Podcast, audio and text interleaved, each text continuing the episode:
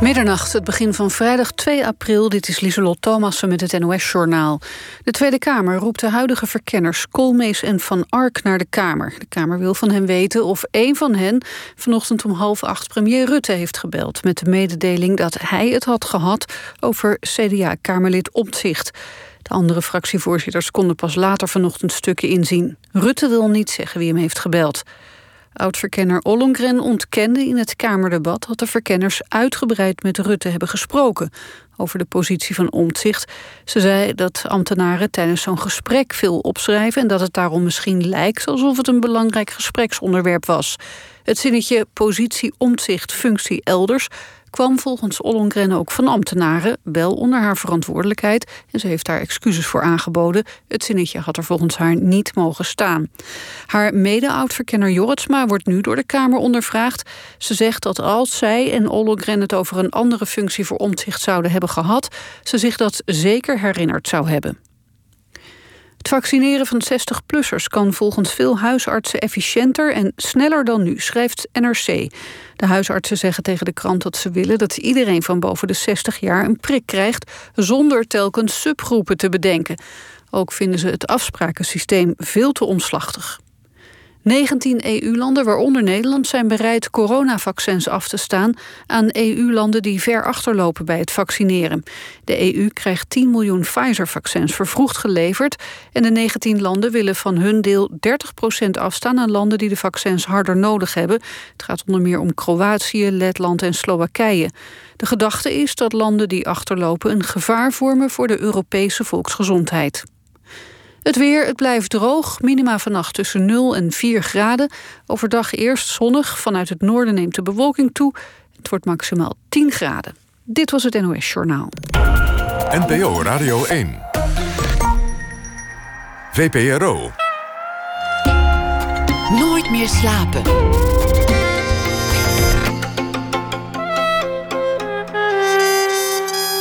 Met Pieter van der Wielen. Goedenacht en welkom bij Nooit meer slapen. Lars Geerts, verslaggever voor de NOS, zit in Den Haag en volgt het debat. En hij zal u bijpraten als het uh, spannend wordt. In de tussentijd praat ik met de gevangenisdirecteur. Die begon met zijn memoires.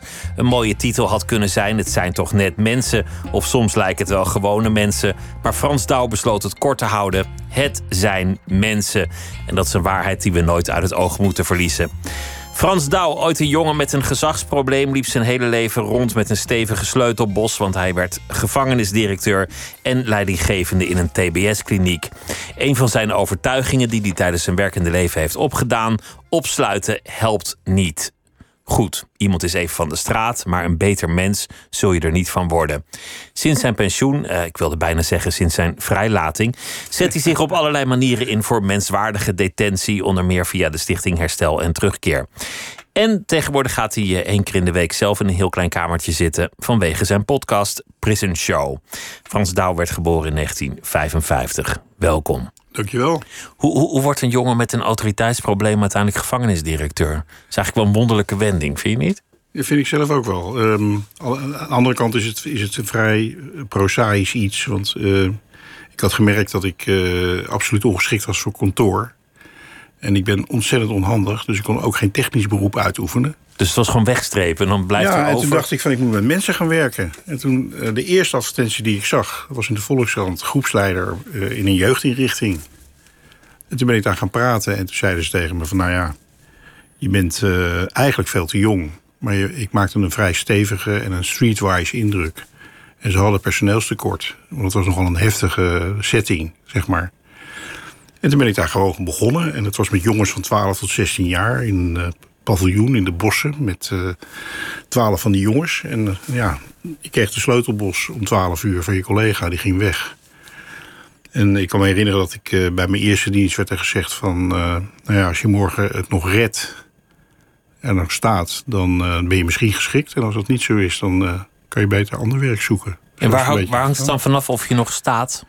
Wat, wat, is, wat je daarvoor nodig hebt om niet omver te worden geblazen? Nou, uh, al die jongens, ja, die jongens gaan een autoriteitsconflict met je aan. En dat gebeurde ook. Hè? Van, uh, ja, ga jij ons maar eens zien naar bed te krijgen, s'avonds en dat soort dingen. Dus het is best wel een combinatie van... Uh, aan de ene kant heel stevig zijn. Hè? Dus ook een grens kunnen trekken. Desnoods fysiek, als dat eh, moet gebeuren. Maar aan de andere kant ook wel echt de verbinding maken. Hè? Je moet die jongens ook wel interesseren en boeien. En ehm, eh, ze, moeten, ze moeten je ook wel aardig vinden. Hè? Eh, op een of andere manier. Dus, dus met die combinatie heb ik het, heb ik het wel gered. En, en als je het nou ja, wat, wat nader toelicht, dan aan de ene kant is er in zo'n inrichting veiligheid nodig, hè, structuur. Hè. Kinderen, jongens kwamen vaak uit, uh, uit hele onveilige uh, milieus, waar, waar sprake was van mishandeling en allerlei andere problemen. Dus je wilde eigenlijk dat, dat ze veilig waren. En dat, dat is toch gebaat bij structuur en bij regels en, en dat soort dingen. Hè? Zodat ze ook veilig voor elkaar waren. En um, ja, daarnaast, daarbinnen, ja, red je het toch door gewoon leuke dingen met die jongens te doen. En ze op een positieve manier te benaderen en aan te spreken. Door, door niet alleen maar de nare man te zijn. Want, want ook al sluit je iemand op aan het eind van de dag. En is dat ook jouw baan om, om nou ja, dat slot erop te draaien. Ja. En zorgen dat hij niet wegkomt. Kan je toch nog een leuke band met iemand opbouwen? Zeker, zeker. Dat is echt, uh, echt geen enkel, uh, eigenlijk geen enkel probleem. Uh, vind ik. Omdat, kijk, het opsluiten is de situatie waarin je gewoon met elkaar zit. Hè? Uh, uh, vaak ook word je samen opgesloten. Hè? Je zit gewoon op zo'n afdeling en de deuren kunnen niet open. Oh, dus, dus jij zat ook opgesloten voor je gevoel? Uh, nou, als je in een gevangenis werkt. Uh, dit was een besloten inrichting waar ik begonnen ben. Maar als je in een gevangenis werkt, ja, dan, dan, uh, dan, dan zit je gewoon op zo'n afdeling met de gedetineerden.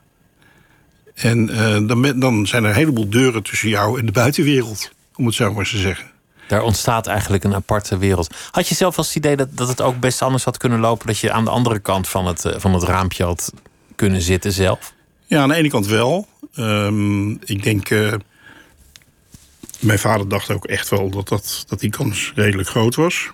Uh, want er gebeurden ook wel dingen. Ik kwam ook af en toe in de gevangenis of in een politiecel terecht. En er gebeurden wel eens dingen. Eén keer één nacht en één keer twee nachten schreef ja, je op. Ja.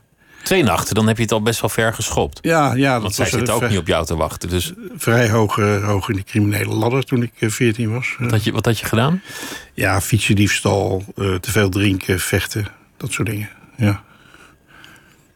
dat was... eh, dat... dat, dat Uh, dat soort dingen. Ik was geen inbreker of zo. Of iemand die structureel uh, uh, allerlei criminele feiten uit, uithaalde. Ik was een beetje een verloren, verloren jongetje... wat, wat, ja, wat, met, wat problemen kreeg met het gezag. En het ook niet kon vinden op school. Ehm, twee keer van school gestuurd. Um, een intelligente jongen die niet als intelligent werd aangezien. Althans, niet dat hij er de cijfers voor terugkreeg of waardering. Ja. Of, of uiteindelijk diploma's. Dus iemand die eigenlijk een beetje over de rand valt, van school wordt getrapt. Ja. Baantjes krijgt, met, met verkeerde mensen omgaat. En, en toch ja, ook wel issues had.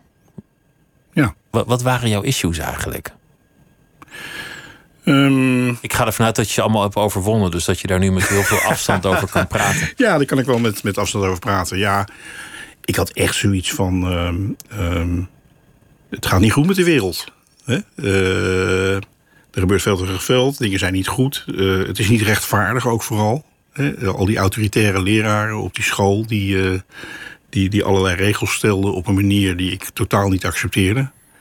Um, ik kon daar heel slecht mee omgaan. Ik heb echt, in mijn puberteit, dacht ik echt... Um, als ik niet volledig 100% het gevecht aanga met het systeem... en met, met de autoriteiten, ja, dan, dan, dan ben ik weg. Hè? Ik moet dat gewoon doen, zeg maar. Hè? Dan ben je weg in de zin van, dan, dan, dan wordt jouw bestaan uitgewist. Bijna wel. Ja, dan ga ik ten onder. Ik, vond, ik had heel erg die drive om dat, om dat gevecht aan te gaan.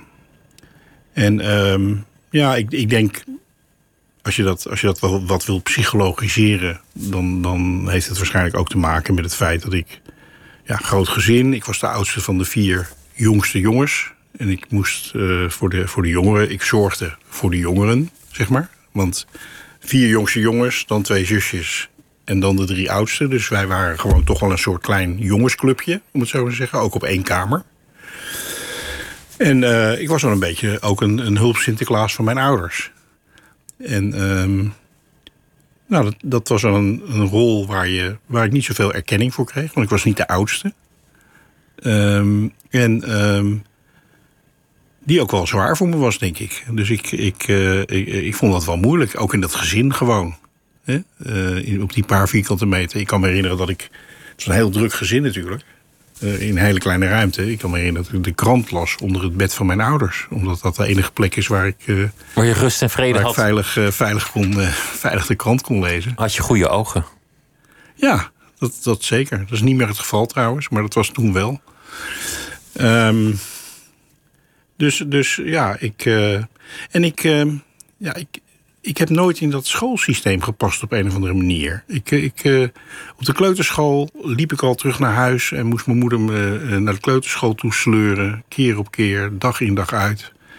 En dan weigerde ik om dingen te doen en dan kreeg ik een draai in mijn oren van de juf en dat ging dan in die tijd nog zo.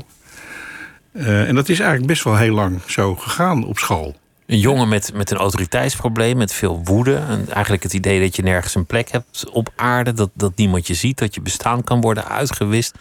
Zou je ook kunnen zeggen van jezelf dat je echt een donkere kant hebt, een duistere kant?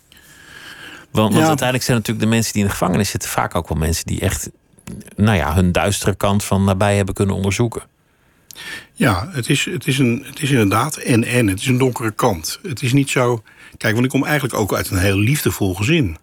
Dus uh, we waren heel erg gewenst. En mijn moeder was heel lief en mijn vader was heel zorgzaam.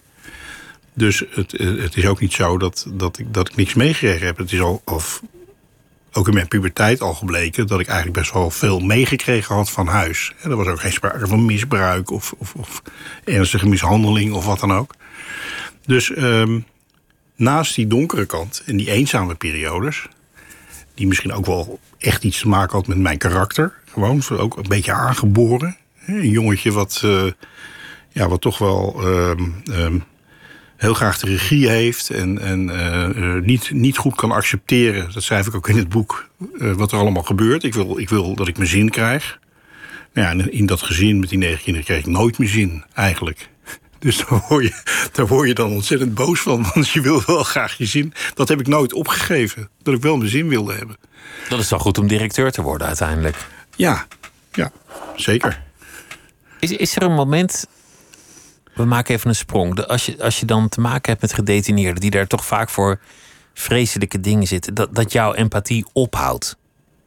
Dat je denkt: ja, nou, dit kan ik ook niet in mezelf vinden. Hier kan ik me eigenlijk geen voorstelling van maken. Ja, er is een soort. Er is, er is een, een, een, een, manier om iemand te omschrijven die geen geweten heeft. Hè. Een, een, een, iemand met een hele ernstige persoonlijkheidsstoornis, ook wel psychopaat genoemd. Hè.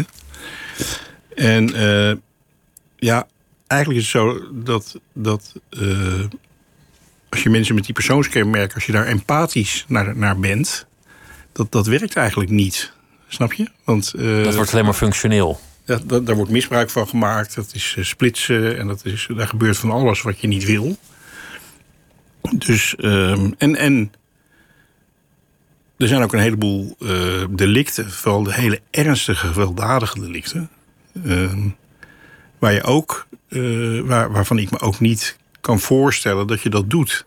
Snap je? Ik kan me niet inleven in een situatie waarin ik dingen doe, zoals ik ook in dat boek beschrijf. Hè, dat, waarin je bijvoorbeeld kleine kinderen uh, structureel, sadistisch uh, mishandelt en, en dat soort dingen. Hè? Want je beschrijft zo'n geval van iemand die dat gedaan heeft. Ja. En jij ziet die dan in de gevangenis en dan, ja, dan is het gewoon je werk. En dan maak je een praatje en dan blijkt het een vriendelijke kerel. En dan drink je samen een kop koffie. En dan, dan even later dan ben je aan het volleyballen. En dan, dan heb je een leuk spel. En dan pas later realiseer je van god, dit heeft hij gedaan? Nou, het ging eigenlijk in een andere volgorde. Um, ik, ik, wist wat hij gedaan had. Dat wist je al toen je, toen je de eerste keer naar hem toe liep? Eigenlijk wel, ja.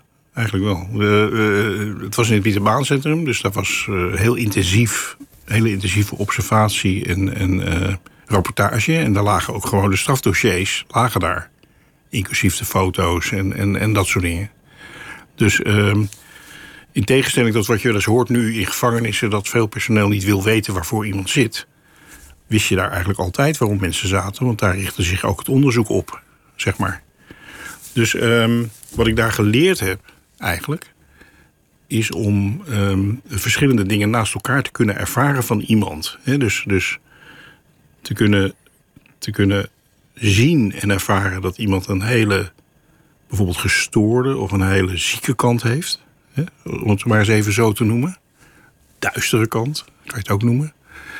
Maar dat hij daarnaast ook gewoon in een heleboel opzichten een mens is zoals ik. Dus je hoeft iemand niet eenduidig te beschouwen. Dat is, dat is een grote les. Voor mij is echt een, een, een hele belangrijke, maar dat geldt niet alleen voor het gevangeniswezen, maar in het algemeen. Uh, geen enkel mens is alleen één ding en één kant. Uh, daar zijn we veel te complex voor. En uh, het is ook zo dat, dat, ja, dat, je, dat je mensen niet kunt kunt, kunt makkelijk kunt indelen in, in, in goed en slecht. Er zijn heel veel dingen die gewoon naast elkaar bestaan, eigenlijk in ieder mens. En als je kijkt over de hele, hele, hele ernstige. Een persoon met een hele ernstige persoonlijkheidsstoornis. Dan. Um, uh, en het kan binnen de gevangenis zijn, maar ook heel goed zie je over een bedrijf zijn of een president, om maar eens wat te noemen. Ehm, dan, dan heb ik inmiddels ook wel het gevoel. Kijk, een voorbeeld is Trump bijvoorbeeld. Hè? Ja. Daar moet ik dan aan denken. Ehm, ik, kan, ik kan niet een oordeel geven over die man, hè, want uh, ik ken hem natuurlijk verder niet, behalve van de media, zoals iedereen. maar ik zie wel zijn, zijn narcisme en zijn, zijn, zijn ja, een gewetenloze kant. En de manier waarop hij uh, met al zijn miljarden uh, aan het brullen is om erkenning en om liefde hè, van de wereld. En zich wil laten zien. Maar ik zie eigenlijk ook zijn eenzaamheid. Ik zie ook dat die man volgens mij hè, geen liefde kan ontvangen. Terwijl hij daar eigenlijk wel naar hunkert. Op een bepaalde manier. Hij is ook wel heel eenzaam. Die man die. die ik, ik weet dat het een vrij stevig oordeel is. Maar ik zet even dat beeld van Trump neer omdat iedereen hem kent. En omdat het gevoel wat ik bij Trump heb ook heel erg lijkt op het gevoel wat ik bij heel veel uh, gedetineerden heb gehad. Dit is jouw manier van kijken. Je ziet, je ziet die lagen. Maar als iemand iets heel ergs heeft gedaan, een, een kind martelen en, en vermoorden, zoals in, in het, in het eerste voorbeeld, bestaat er dan nog iets anders naast die daad? Maakt het dan nog uit dat iemand vriendelijk is bij de koffie of leuk kan volleyballen of, of dat hij een grappig gevoel voor humor heeft of dat hij veel van kaartspelletjes weet? Wordt dat niet allemaal totaal verbleekt naast die daad? Uh, ja, voor mij niet. Voor mij niet. Hoe kan uh, dat? Hoe, hoe werkt dat?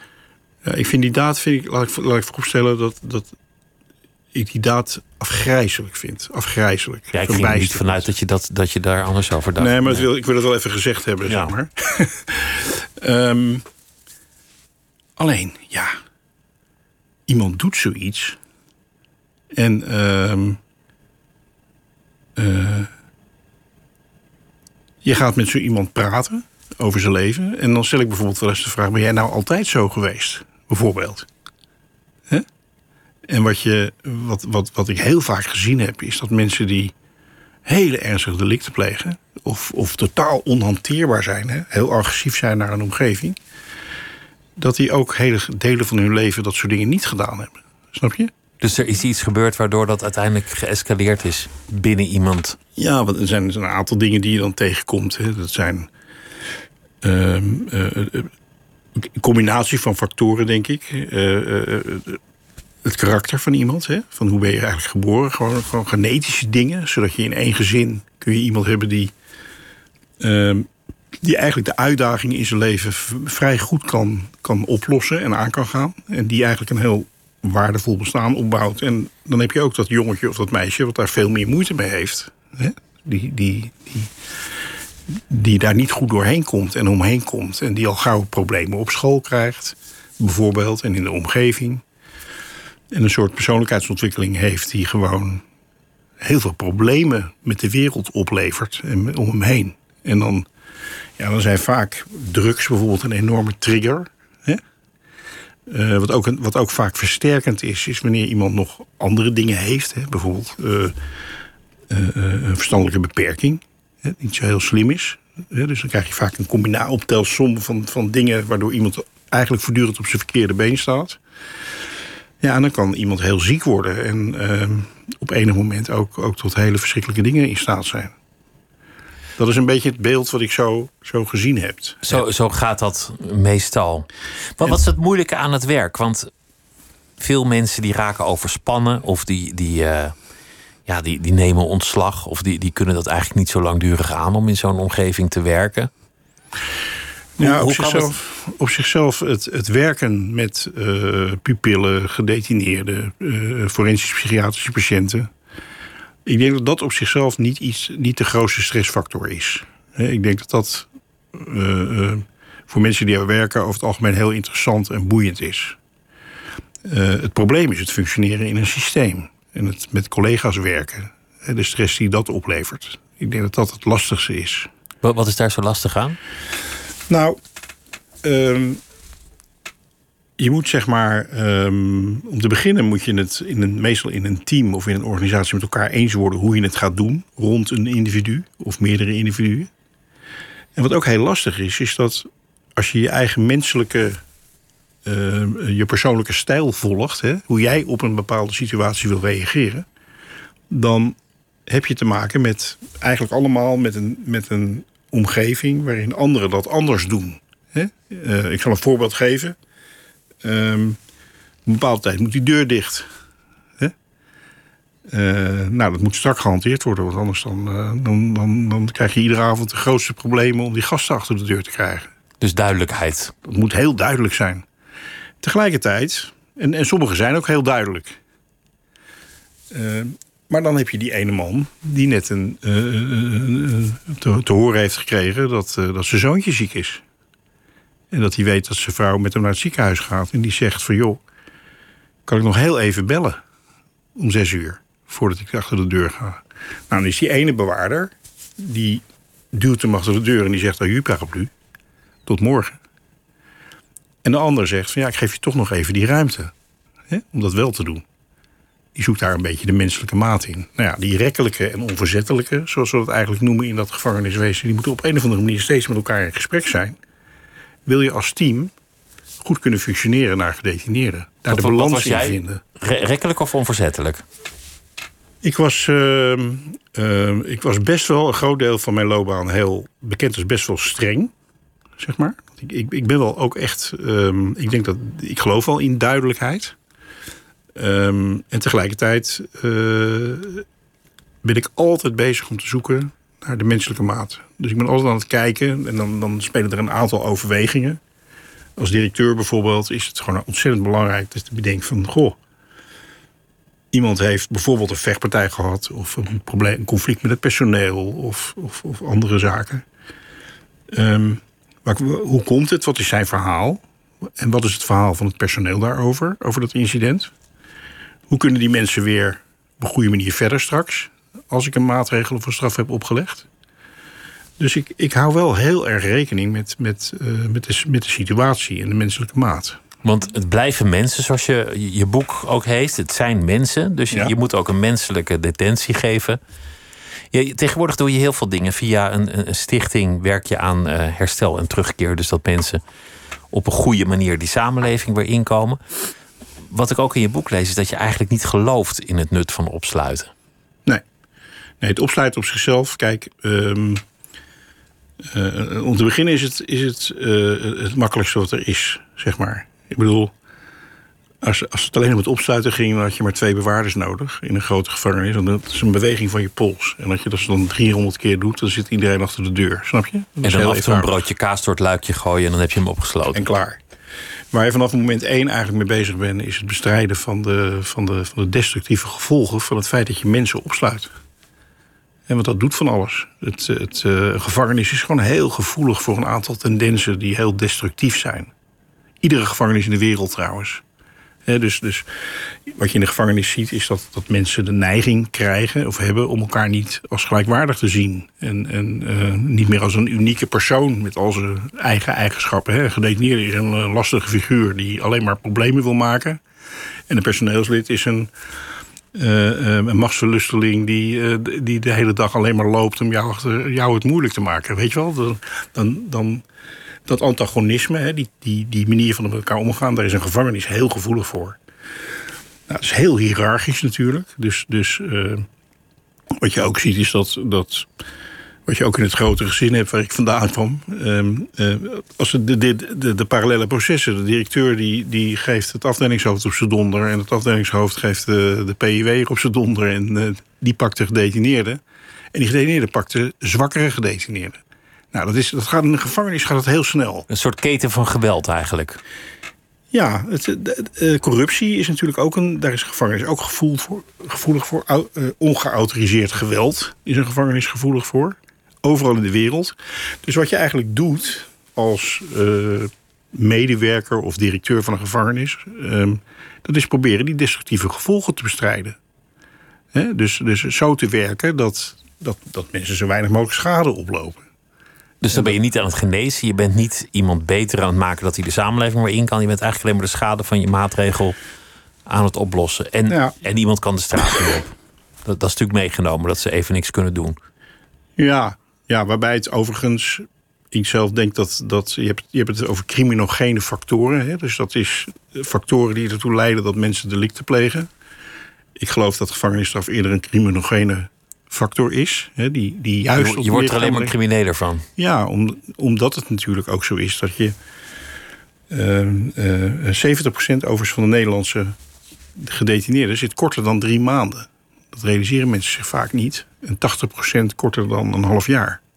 Dus mensen worden eigenlijk heel kort uit de samenleving gehaald. En dat heeft heel veel consequenties. Hè? Uh, voor werk, voor gezin, voor schulden, voor uh, ja, allerlei situaties uh, buiten. Dus eigenlijk is, dat, is het dan heel moeilijk om weer wat op te bouwen... terwijl het eigenlijk al heel moeilijk ging, vaak. Hè?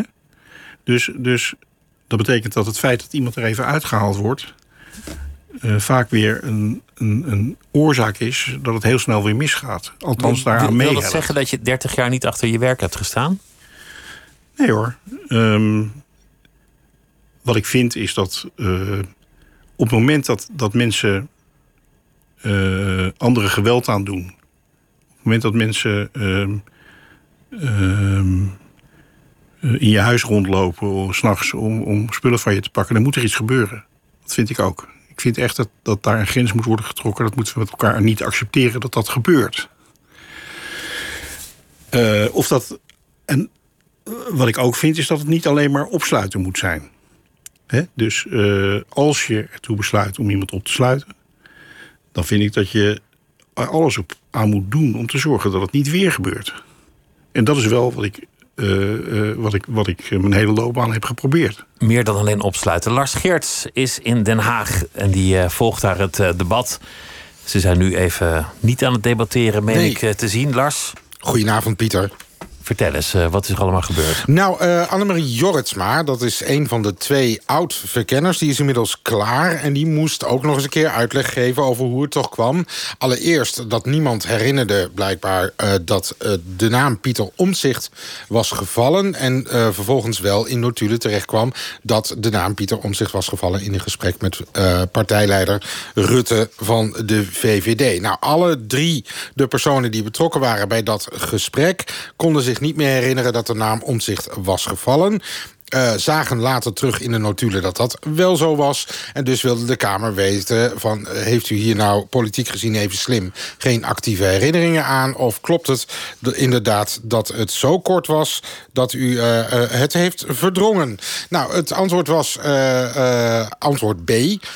zij hadden het idee dat het zo kort ter sprake is geweest... dat er niet eens aantekeningen... of in hun aantekeningen niet eens is opgenomen... dat de naam Pieter Omtzigt was gevallen. Maar een oplettende ambtenaar die mee zat te schrijven... die had het wel genotuleerd en zo is het in het gespreksverslag gekomen. Nou, een gedeelte van de Kamer vond het een plausibele verklaring... maar een iets groter gedeelte van de Kamer... die dacht bij zichzelf, ja, u kunt mij wat.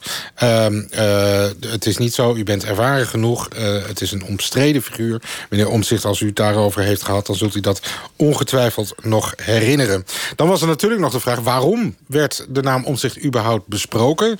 Uh, in in, het gesprek met uh, demissionair premier Rutte... nou, zei Jorritsma, dat kwam omdat het ging over de stabiliteit van het CDA. En er waren volgens haar op die dag allerlei krantenberichten verschenen... over onder meer een fluistercampagne tegen een van die CDA'ers... de bewuste Pieter Omtzigt. Het enige probleem daarbij was uh, dat er op die maandag... nog geen sprake was in de kranten van een fluistercampagne. De column uh, waarin dat werd genoemd en ook het artikel in HP De Tijd... waarin er gewacht van werd gemaakt, die was pas van de volgende dag. En dus had de Kamer zoiets van... kunt u dat, daar nog even wat uitleg over geven? Joris maar zei, ja jongens, ik heb het ook allemaal niet meer zo helder. Wat ik wel weet, is dat vanaf 17 maart de verkiezingsdatum... er berichten verschenen in de media... en dat dat voor ons aanleiding is geweest... om blijk, blijkbaar aanleiding is geweest... om over de stabiliteit van het CDA te spreken. En uh, zo, zo verliep het. En uh, uh, blijkbaar nam de Kamer daar uiteindelijk genoegen mee... want ze is van het spreekgestoel af. En wat gaat er nu gebeuren? Want nu willen ze vast weer mensen horen en meer documenten zien en meer getuigenissen. Ja, nee, zeker. Nee, uh, ze zitten in een heel diep gat en ze blijven op dit moment graven. Um, nee, wat ze hebben gevraagd is, de, de, toen eenmaal de oud-verkenners Jorritsma en Ollongren klaar waren... Uh, vanwege het lekken van de beruchte notitie...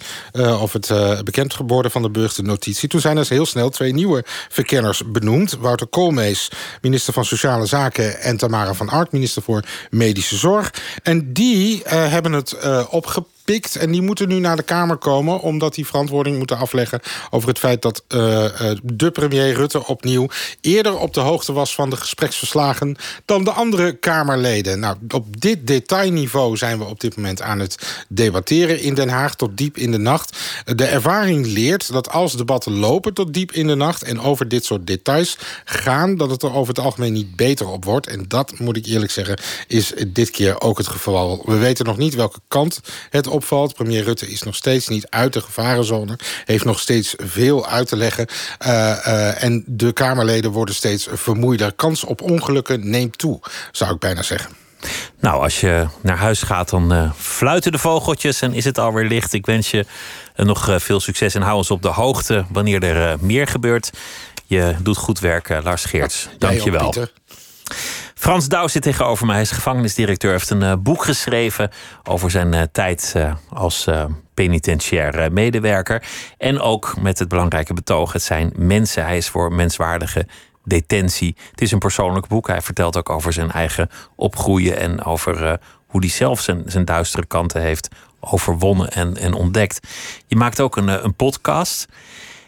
Niet zo lang geleden in dit programma was Wim Faber te gast. Hij is de vader van Anne Faber, die, uh, die, die vermoord is, als we allemaal ons zullen herinneren. ik moet zeggen, een van de meest indrukwekkende interviews die ik, die ik heb afgenomen. Het was normaal, kan ik eigenlijk best wel goed slapen als ik thuis kom. Hier heb ik echt een, een nacht nog, nog flink over liggen, liggen malen, omdat dat het zo emotioneel was. In, jullie podcast heb jij gesproken met de moeder van de dader, Michael P. En over wat het allemaal voor haar heeft betekend. En, en daarin vertelt zij dat ze heeft moeten verhuizen omdat mensen haar kwamen lastigvallen. Dat ze nog steeds niet in staat is om, om te werken. Uh, al dat soort dingen. In, in die zaak Michael P., een, een, een man die al veroordeeld was, die eigenlijk al een straf uitzat, die vanuit detentie nog deze misdaad heeft kunnen plegen, zou je eigenlijk kunnen zeggen dat er te veel empathie is geweest. Dat, dat hij niet streng genoeg is aangepakt. Je zou zeggen, in justitiekringen ontbreekt het niet aan empathie. Ze zouden juist uh, misschien eens wat strenger moeten worden. Ja, uh, je gebruikt de term streng. Um, uh, hij, kon, hij kon in- en uitlopen naar eigen goeddunken. Ja, nou, ik, ik, ben ontzettend blij even de gelegenheid te hebben om daar iets over te zeggen. Um, kijk, wat er, wat er aan de hand was, is dat die man heeft, die was, die was ernstig ziek. He, die heeft uh, uh, al um, tien jaar geleden of zo een, een, een heel ernstig delict gepleegd. Met, met twee meisjes. Hè? Een zeven... Minderjarige meisjes. Minderjarige meisjes. Um, wat er gebeurd is, is dat hij een gevangenisstraf gehad heeft. Hij heeft een gevangenisstraf gehad. En um, dat is mede ingegeven door het feit dat hij niet naar het Pieterbaancentrum wilde om onderzocht te worden. En de rechter heeft toen gedacht van, um, ja, ik, uh, ik, ik kan op deze manier geen beeld vormen van zijn psychiatrische toestand.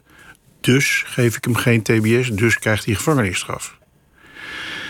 Ja, je hoeft niet heel veel doorgeleerd hebben om je te realiseren dat iemand die zoiets ernstigs doet, op jonge leeftijd eigenlijk, dat de kans groot is dat als hij alleen maar gevangenisstraf krijgt, dat hij dan daarna nog net zo gevaarlijk is. Dat hij er niet beter uitkomt. Nee, Niet eh, genezen, dan als is je hij helemaal niet behandeld. Ehm, dat is door de politiek vaak helemaal niet goed uitgelegd. Dat, dat neem ik ze ook kwalijk. Ehm, namelijk het feit dat die man zat dus in de gevangenis. Eh, toen heeft eh, de gevangenisdirecteur hem in het laatste deel van zijn gevangenisstraf naar een kliniek laten gaan. Een, een, een forensische psychiatrische afdeling. Dat heb ik ook heel vaak gedaan in mijn loopbaan. En dat is niet, eh, het is niet zo dat die kliniek, net als de TBS, als het ware helemaal ingericht is om iemand eh, voor zijn delictgevaarlijkheid te behandelen. En vervolgens ook hem niet weg te laten gaan totdat dat eh, vastgesteld is, hè, dat hij niet meer gevaarlijk is.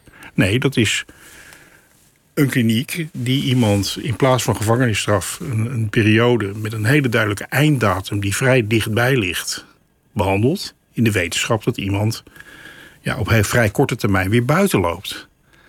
Dus eh, eh, voor mij ligt een heel cruciaal moment in het feit dat je iemand die, eh, waarvan je eigenlijk weet dat hij heel erg gevaarlijk is, dat je die een gevangenisstraf geeft. Maar als iemand niet meewerkt aan onderzoek en daar heeft iemand belang bij, weet hij dat hij ook sneller weer vrij zal komen. En als hij, als hij niet Ja. meewerkt aan onderzoek, zal hij nooit TBS of zelden TBS krijgen. Ja, ja en, dat, en daar, daarvan zeg ik, ehm, en ik denk dat, je me, dat, dat iedereen dat wel een beetje kan volgen.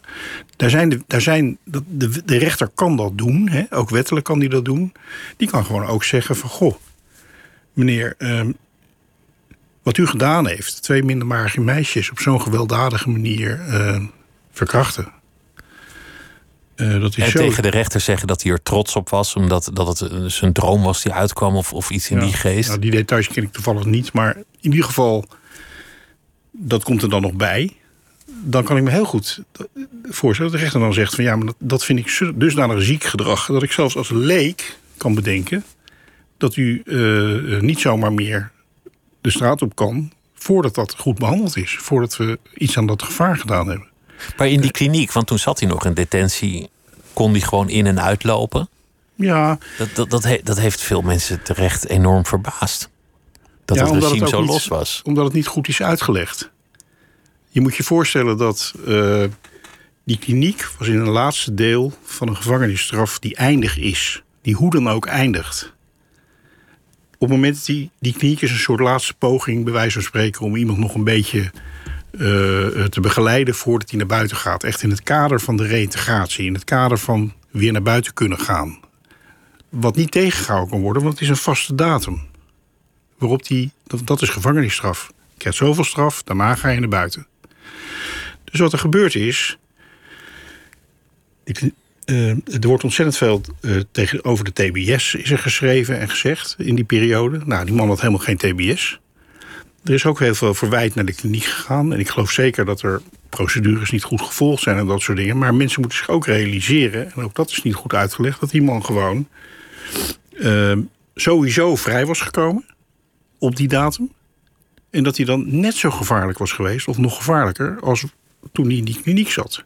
Snap je? Dus, dus dat, hij, dat hij een wat losser regime krijgt, dat is ook nodig in het kader van de therapie, omdat je hem Ja. Een beetje moet kunnen laten wennen aan, aan de vrijheid. ja. En de afweging over iemands gevaarlijkheid, de afweging over ehm, eh, of hij TBS krijgt of niet, of hij eh, gedwongen behandeld moet gaan worden vanwege zijn gevaarlijkheid, die afweging wordt in de rechtszaak gemaakt.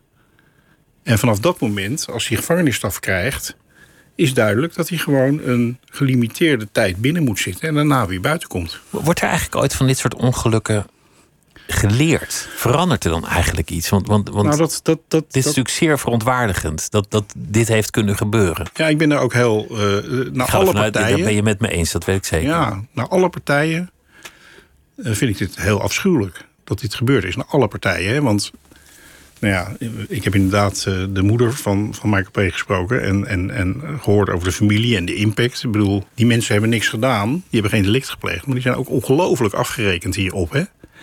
Ik heb het boek van eh, de broers Faber gelezen. Daar was ik zeer van onder de indruk. Zeer van onder de indruk. En eh, echt, echt heel erg goed geschreven. En ook met hele terechte vragen.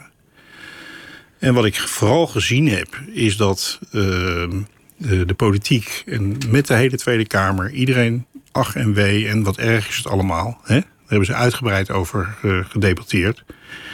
Maar ik heb niet gezien dat iemand iets geleerd heeft, eerlijk gezegd. Dus dit zou eigenlijk gewoon zo weer kunnen gebeuren? Ja, want uh, kijk, als jij. Uh, en dat is een heel lastig dilemma, dat realiseer ik me. Op het moment dat jij als reflectie, uh, op het moment dat er iets misgaat, hè, want dat er iets misgaat, dat, dat, is, dat, dat is onontkoombaar. Hè? Uh, dat, er, dat gebeurt al, nou ja, zolang als ik bij justitie gewerkt heb, af en toe gaat het mis. Dat los je niet op door iedereen binnen te houden en de repressie op te voeren bij wijze van spreken. Dat los je op door na te gaan denken over de oorzaken en hoe je met mensen die zich op deze manier ontwikkelen om zou moeten gaan, zeg maar. Um, en, en daar heb ik niks van gezien. Ik heb alleen maar gezien dat er uh, iemand moet de schuld krijgen. Dat is heel belangrijk. Dus dan wordt de gevangenis in Vught krijgt de schuld en de kliniek krijgt de schuld. En die minister zei van ja, ik ben wel verantwoordelijk, maar ja, al die mensen die hebben hun werk niet goed gedaan. En uh, en passant kreeg ook nog een hele sector, namelijk de TBS. Die kreeg nog een veeg mee, hè, want dat ging ook allemaal niet goed. Terwijl ze eigenlijk, terwijl die man helemaal geen TBS had. Ja, wat ik ongelooflijk verdrietig vind, is dat die oproep die de Farbers heel duidelijk gedaan hebben. Van, en dan Verander iets, laat dit nooit meer gebeuren. Ja, en ook de nabestaanden uh, heel vaak uh, zeggen, ook in mijn podcast die, uh, die wij maken, de Prison Show. Um, die willen gewoon dat het geweld stopt. Dat we daar iets aan gaan doen. Snap je? Over het algemeen. Die, die, die vader die, die zei... Ja, het is misschien niet chic, maar ik ben eigenlijk wel voor de doodstraf. En in zijn positie kon ik dat begrijpen. Ik, ik had eigenlijk niet iets wat ik daartegen in kon brengen... behalve van ja, de, de, de rechter die deze fout heeft gemaakt... zou dan over leven en dood beschikken. Ik denk niet dat ze die verantwoordelijkheid uh, moeten krijgen. Maar ik begreep hem wel. Ja. Ik, ik begreep wel dat je zei van nou, op een gegeven moment heb je het zo bond gemaakt, dan heb je je recht op leven wel verspeeld. Ja. Ik, die moeder die jullie geïnterviewd hebben, ja, die heeft natuurlijk niemand iets misdaan. Die, en natuurlijk houdt ze nog van haar zoon. En natuurlijk zal ze zeggen dat het eigenlijk een goede jongen is. Maar ik had. heeft ze niet gezegd. Dat heeft ze eigenlijk niet gezegd. Hè? Nee, nee, juist niet. Nee. Maar ik, ik had moeite om, om daarnaar te luisteren, om empathie voor hem nog langer op te brengen. Ja. Mijn empathie was op. Ja. Ja. En ik bedoel, ik wil hem niet doen alsof ik iets met die zaak te maken heb. Maar, maar toch wil je dat geluid laten horen van, van, die, van die moeder. Waarom is dat eigenlijk? Nou ja, omdat ik een, een, een echt een, een, diepe overtuiging heb dat, uh, uh, dat we niet. Dat we het geweld niet doorbreken en dat we uh, de wereld niet beter maken en veiliger maken door groepen mensen of individuen weg te zetten als monsters. En door uh, eigenlijk iemand te depersonaliseren. Hè? Uh, en een heel duidelijke keuze te maken, wat nu heel extreem gebeurt, hè, ook in de politiek, tussen slachtoffers en daders. Het ligt veel, wat mij betreft, ligt het veel diffuser, veel ingewikkelder. Hè? daders en slachtoffers. ja, we hebben allemaal een dader en slachtoffer in onszelf. Maar het is ook zo dat heel veel daders die ik ontmoet heb, die, die zijn ook heel slachtoffer geweest van heel ernstige delicten, of nog steeds. Vaak zelf mishandeld in hun jeugd of ja, en dat, wat dan dat bedoel ik helemaal niet als excuus. Maar um, wat ik wel bedoel is dat uh, als je dat doorgeven van geweld, zeg maar, hè, van generatie op generatie, of uh, doorgeven van geweld omdat iemand heeft pijn gehad, hè, is mishandeld of wat dan ook. En dan gaat hij op een gegeven moment andere pijn doen. Als hij zelf die confrontatie met zijn eigen pijn niet aangaat. Hè. Uh, om die spiraal te doorbreken, is het, vind ik, veel, veel wijzer en veel effectiever. om ook echt eens even heel goed te kijken naar de mensen die je tegenover je hebt. Over wie gaat het eigenlijk? Voor, voor de familie Faber moet het pijnlijk zijn geweest om, om ineens die andere kant in de media te, te horen. Ja, ja, kijk. Um, wat, wat, ik ken heel veel nabestaanden. Ehm, die allemaal helemaal op hun eigen manier. eh, als je de podcast luistert, zie je ook een heleboel verschillende nabestaanden hun verhaal vertellen. Ehm,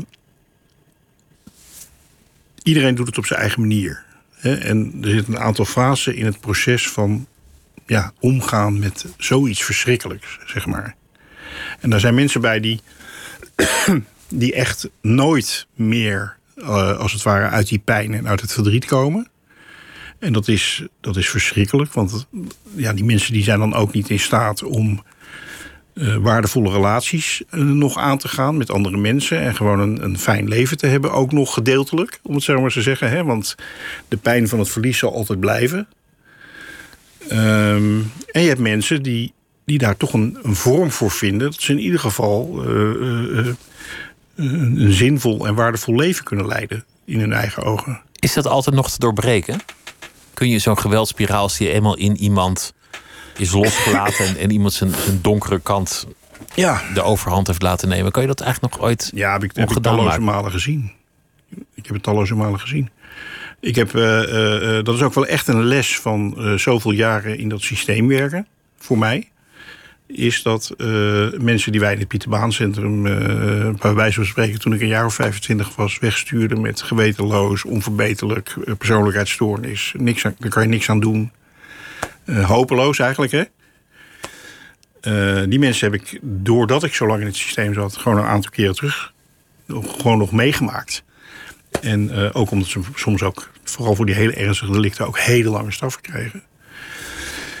Ik heb ook echt gezien dat, dat, eh, dat, dat herstel eigenlijk in meer of mindere mate bijna altijd optreedt zelfs. Bij mensen. Zijn er geen gevallen bij jou dat je voelt wat, wat ik dan met zo'n met zo'n Michael P. bijvoorbeeld voel van sluit maar op en gooi de sleutel weg? En gooi af en toe een broodje kaas door het luikje. Nou, als, kijk, ik, ik heb zoiets van: ik wil, de pers- ik wil, ehm, ik wil, de, ik wil, ik wil me realiseren dat eh, de, eh, de Michael P's van deze wereld, dat dat eh, mensen zijn die tussen ons in opgroeien. Eh, een heleboel mensen hebben hem natuurlijk gekend toen hij buiten was. Eh, er zijn scholen met hem bezig geweest. Eh, hij is, of je nou wil of niet, hij is wel een van ons. Hij is gewoon een medemens, zeg maar. En ehm, als ik kijk naar ehm, eh, mensen die, die vader van, van, van Anne Faber, dat hij zegt dat hij voor de doodstraf is. Hij, hij, hij- In zijn positie kan ik dat volkomen begrijpen. volkomen. Ben ik helemaal met je eens. Misschien is dat ook waar we gewoon goed bestrafrecht hebben. Dat we dat allemaal niet aan, Ja, aan nabestaanden ja. hoeven over te laten. Nee, dat, dat kan ik me heel goed voorstellen. Eh, Niets menselijks is mij ook vreemd. Ik bedoel, eh, als, als mijn dierbare zoiets zou gebeuren, dan, dan, dan, dan zou ik. eh, ik weet niet hoe ik zou reageren. Maar ik wil niet, want dat zie ik natuurlijk in de Verenigde Staten, waar ik, eh, waar ik heel ieder jaar eigenlijk kom. In Texas, waar de doodstraf is. Daar schrijf ik ook over in het boek. Ja, dan zie ik dus een, een, soort onmenselijk systeem waar, eh, waar geen vergeving is. En waar mensen opgesloten worden en gewoon afgemaakt worden. Gewoon vermoord door de staat, om het zo maar eens te zeggen. Dan zie ik hoe dat werkt. En ja, dan, dan, eh, dan denk ik van ja, dat, dat, zo'n land wil ik niet in leven. Eh, zo'n systeem wil ik niet. Ik wil een systeem waarin mensen als ze gevaarlijk zijn niet meer buiten komen. Hè, want dat, eh, Je moet ook de samenleving beschermen. dat is ontzettend belangrijk. Hè? Ehm, je moet er alles aan doen om mensen die de fout ingaan, om die er weer bij te betrekken. Hè? Dus in plaats van weg te kijken en te zeggen van eh, stop maar weg. eh, met elkaar kijken van goh, hoe kunnen we iemand uitnodigen om weer gewoon mee te doen? Dat is, daar ben ik heel erg voor. En verder, ja, het is ook gewoon zo dat er mensen zijn die. Ik heb een broer, die, zit in een, die is verstandelijk. eh, eh, eh, of die is geestelijk gehandicapt. Eh, die kan lezen, kan schrijven. Ik heb een hele prettige, vriend, fijne relatie met hem. Een vrolijke man. Maar die, moet, die, die zit in een instelling waar hij niet naar buiten kan. En mag. Omdat als hij naar buiten gaat, gebeuren er ook vervelende dingen waarschijnlijk. Snap je? Die man die leeft in een context, mijn broer waar hij heel enthousiast en heel blij mee is. Want hij weet zelf ook heel goed dat als hij meer ruimte en meer vrijheid krijgt, dat hij het soort problemen krijgt dat hij nog kent van voordat hij in de instelling was. Snap je? Dus het is echt wel zo dat dat er mensen zijn, best wel veel mensen denk ik, die niet helemaal vol in de samenleving uh, een leven kunnen leiden wat ik bijvoorbeeld leid. Maar die hebben ook recht op, op beschaving. Ik wil nog even twee dingen met, met je bespreken. De eerste is, we begonnen over jouw eigen jeugd en dat, dat, dat, dat het ook best anders had kunnen lopen. En het is natuurlijk allemaal, allemaal maar klein gruis vergeleken met de zaken die we net bespreken. Maar je beschrijft op een aantal momenten in je boek ook hoe, hoe dat werkt, dat je een geweldspiraal doorbreekt. En hoe je zelf op hele concrete momenten merkt dat je, je, dat je afrekent met je demonen. Ja. Wat, wat zijn dat voor momenten? Hoe gaat zoiets? Um, ik weet niet precies welke fragmenten je dan, dan bedoelt. Heb je er een eh, voorbeeld dus, van? Dus één moment dat je, dat je in de gevangenis als, als jonge baas... Ja, bij jezelf, jezelf moet herroepen om, om niet ook op geweld terug te vallen. Waarvan je zelf zegt dat het een soort kernmoment is. Ja, ja. Ja, um, wat, uh, je zei in het begin van het interview van, van had jij ook crimineel kunnen worden? Er zijn een aantal, aantal redenen om te bedenken dat, dat, dat die kans niet zo groot was. En een daarvan is dat ik, uh, dat ik gewoon die momenten had. Ik had voldoende basis en voldoende bagage om op het moment dat ik uh, in een geweldssituatie terecht kwam, uh, of in de gevangenis terecht kwam, of bijvoorbeeld drugs gebruikte en daar bepaalde ervaringen mee had, om dan te denken bij mezelf van nou, dat, uh, dat, uh, dat, dat wil ik niet, zo wil ik niet leven. Hè? Dat pad moet ik niet inslaan. Dat pad moet ik niet inslaan. En het feit dat je er geweest bent, hè, dat, je, dat je een keer helemaal uit jezelf bent gegaan en helemaal los van jezelf uit je dak en geweld hebt gebruikt. Of het feit dat je op een gegeven moment ergens door een stad loopt met, met spiet in je lijf dat zorgt ervoor dat je in ieder geval weet wat het is. En ik heb vervolgens maar heb ik dan steeds de keuze gemaakt om een andere weg in te slaan. Ik had ook zoiets van. Ik, ik ben heel gehecht aan mijn autonomie. Dus ik uh, uh, uh, heb altijd gewerkt. Ik heb altijd gewerkt. Ik bedoel, ik heb een oudere broer die, die herinnert, die zegt dat nog wel eens. Hoe onvoorstelbaar die dat vond dat ik op mijn 16e, 17e de hele nacht waren we aan het stappen geweest. En dan waren we helemaal brak. En dan, uh, dan, dan, ging ik, ik ging altijd naar mijn werk. Maakte niet uit. Dus, dus die. Ik, ben er altijd, ik heb nooit een uitkering gehad of wat dan ook. Dus dat zat er wel heel erg in. Ik had best wel veel meegekregen. En ook wel skills en eigenschappen. Eigenlijk ook wel discipline uiteindelijk. Ja, een goed besef van uh, hoe ik wilde leven. En hoe ik kon zorgen dat ik, uh, dat ik in ieder geval mijn autonomie kon bewaren. Je, je komt in veel gevangenissen over, over nou, eigenlijk over de hele wereld. Ja. Om, omdat het je interesseert, maar ook vanwege allerhande projecten. Daar, daar zie je eigenlijk ook alle variaties die er op zo'n detentiesysteem kunnen bestaan. Ja, de keuzes die een land kan maken, die wij als mensen kunnen maken. om om te gaan met mensen die, uh, ja, die, die losraken, die gedrag hebben wat we niet, niet accepteren, wat we niet willen. Ja. Je, je zei net al wat je in Amerika ziet, in, in, in Texas. Ja. Je bent ook in Rusland geweest. Ja, ja we hebben een heel groot project gedaan, jarenlang.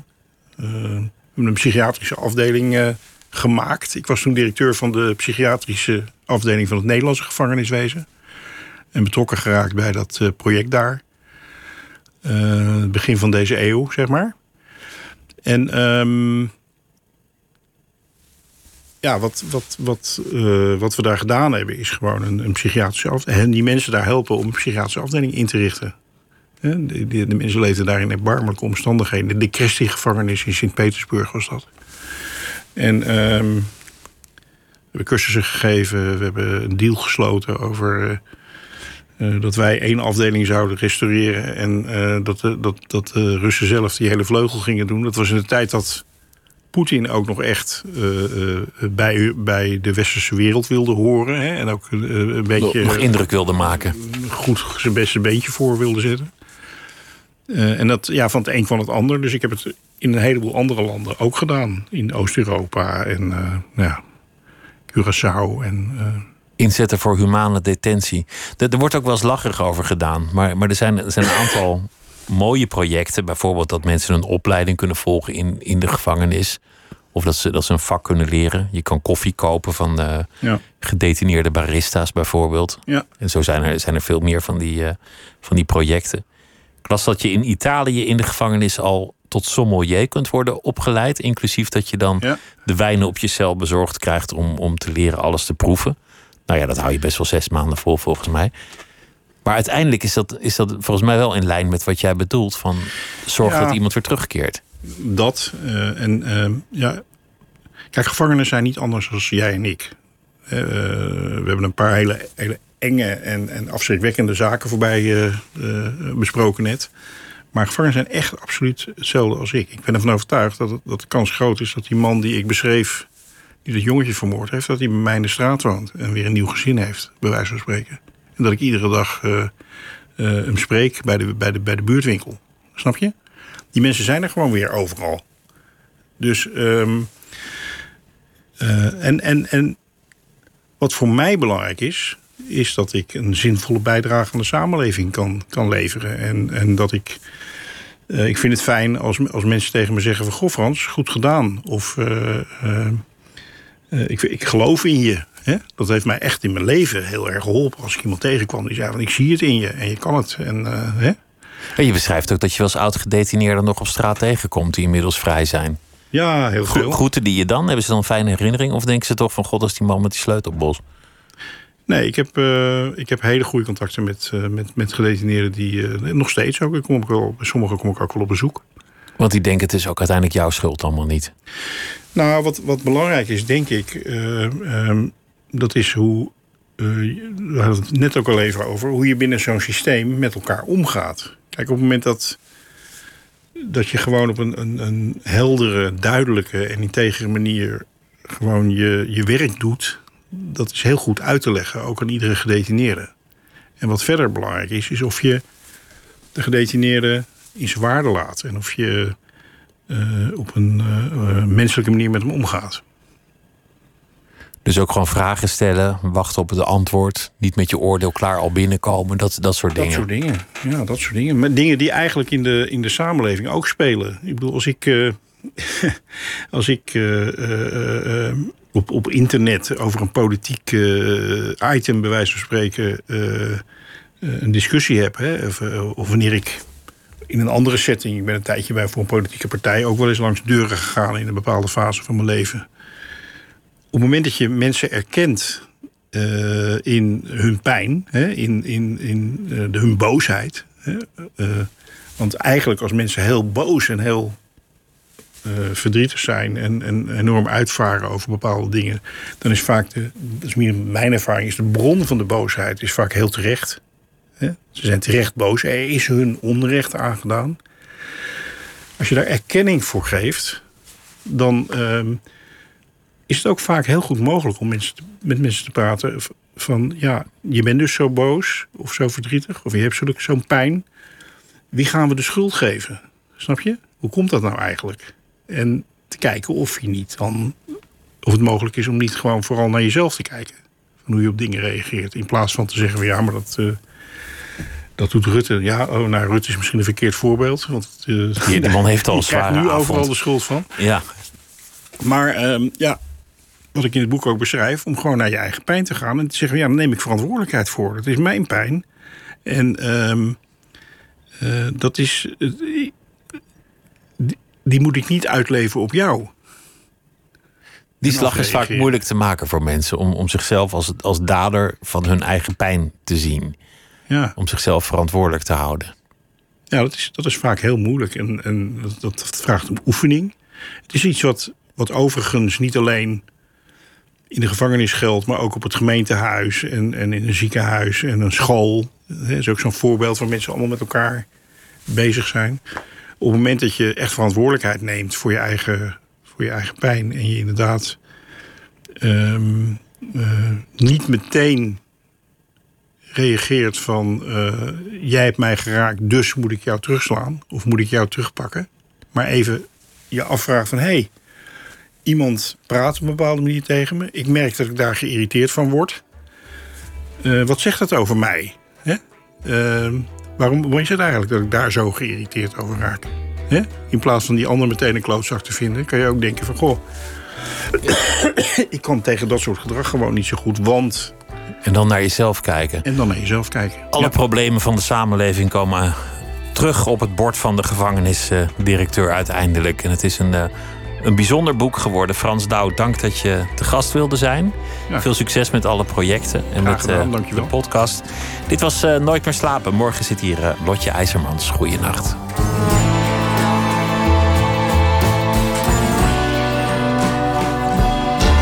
Op Radio 1. Het nieuws van alle kanten.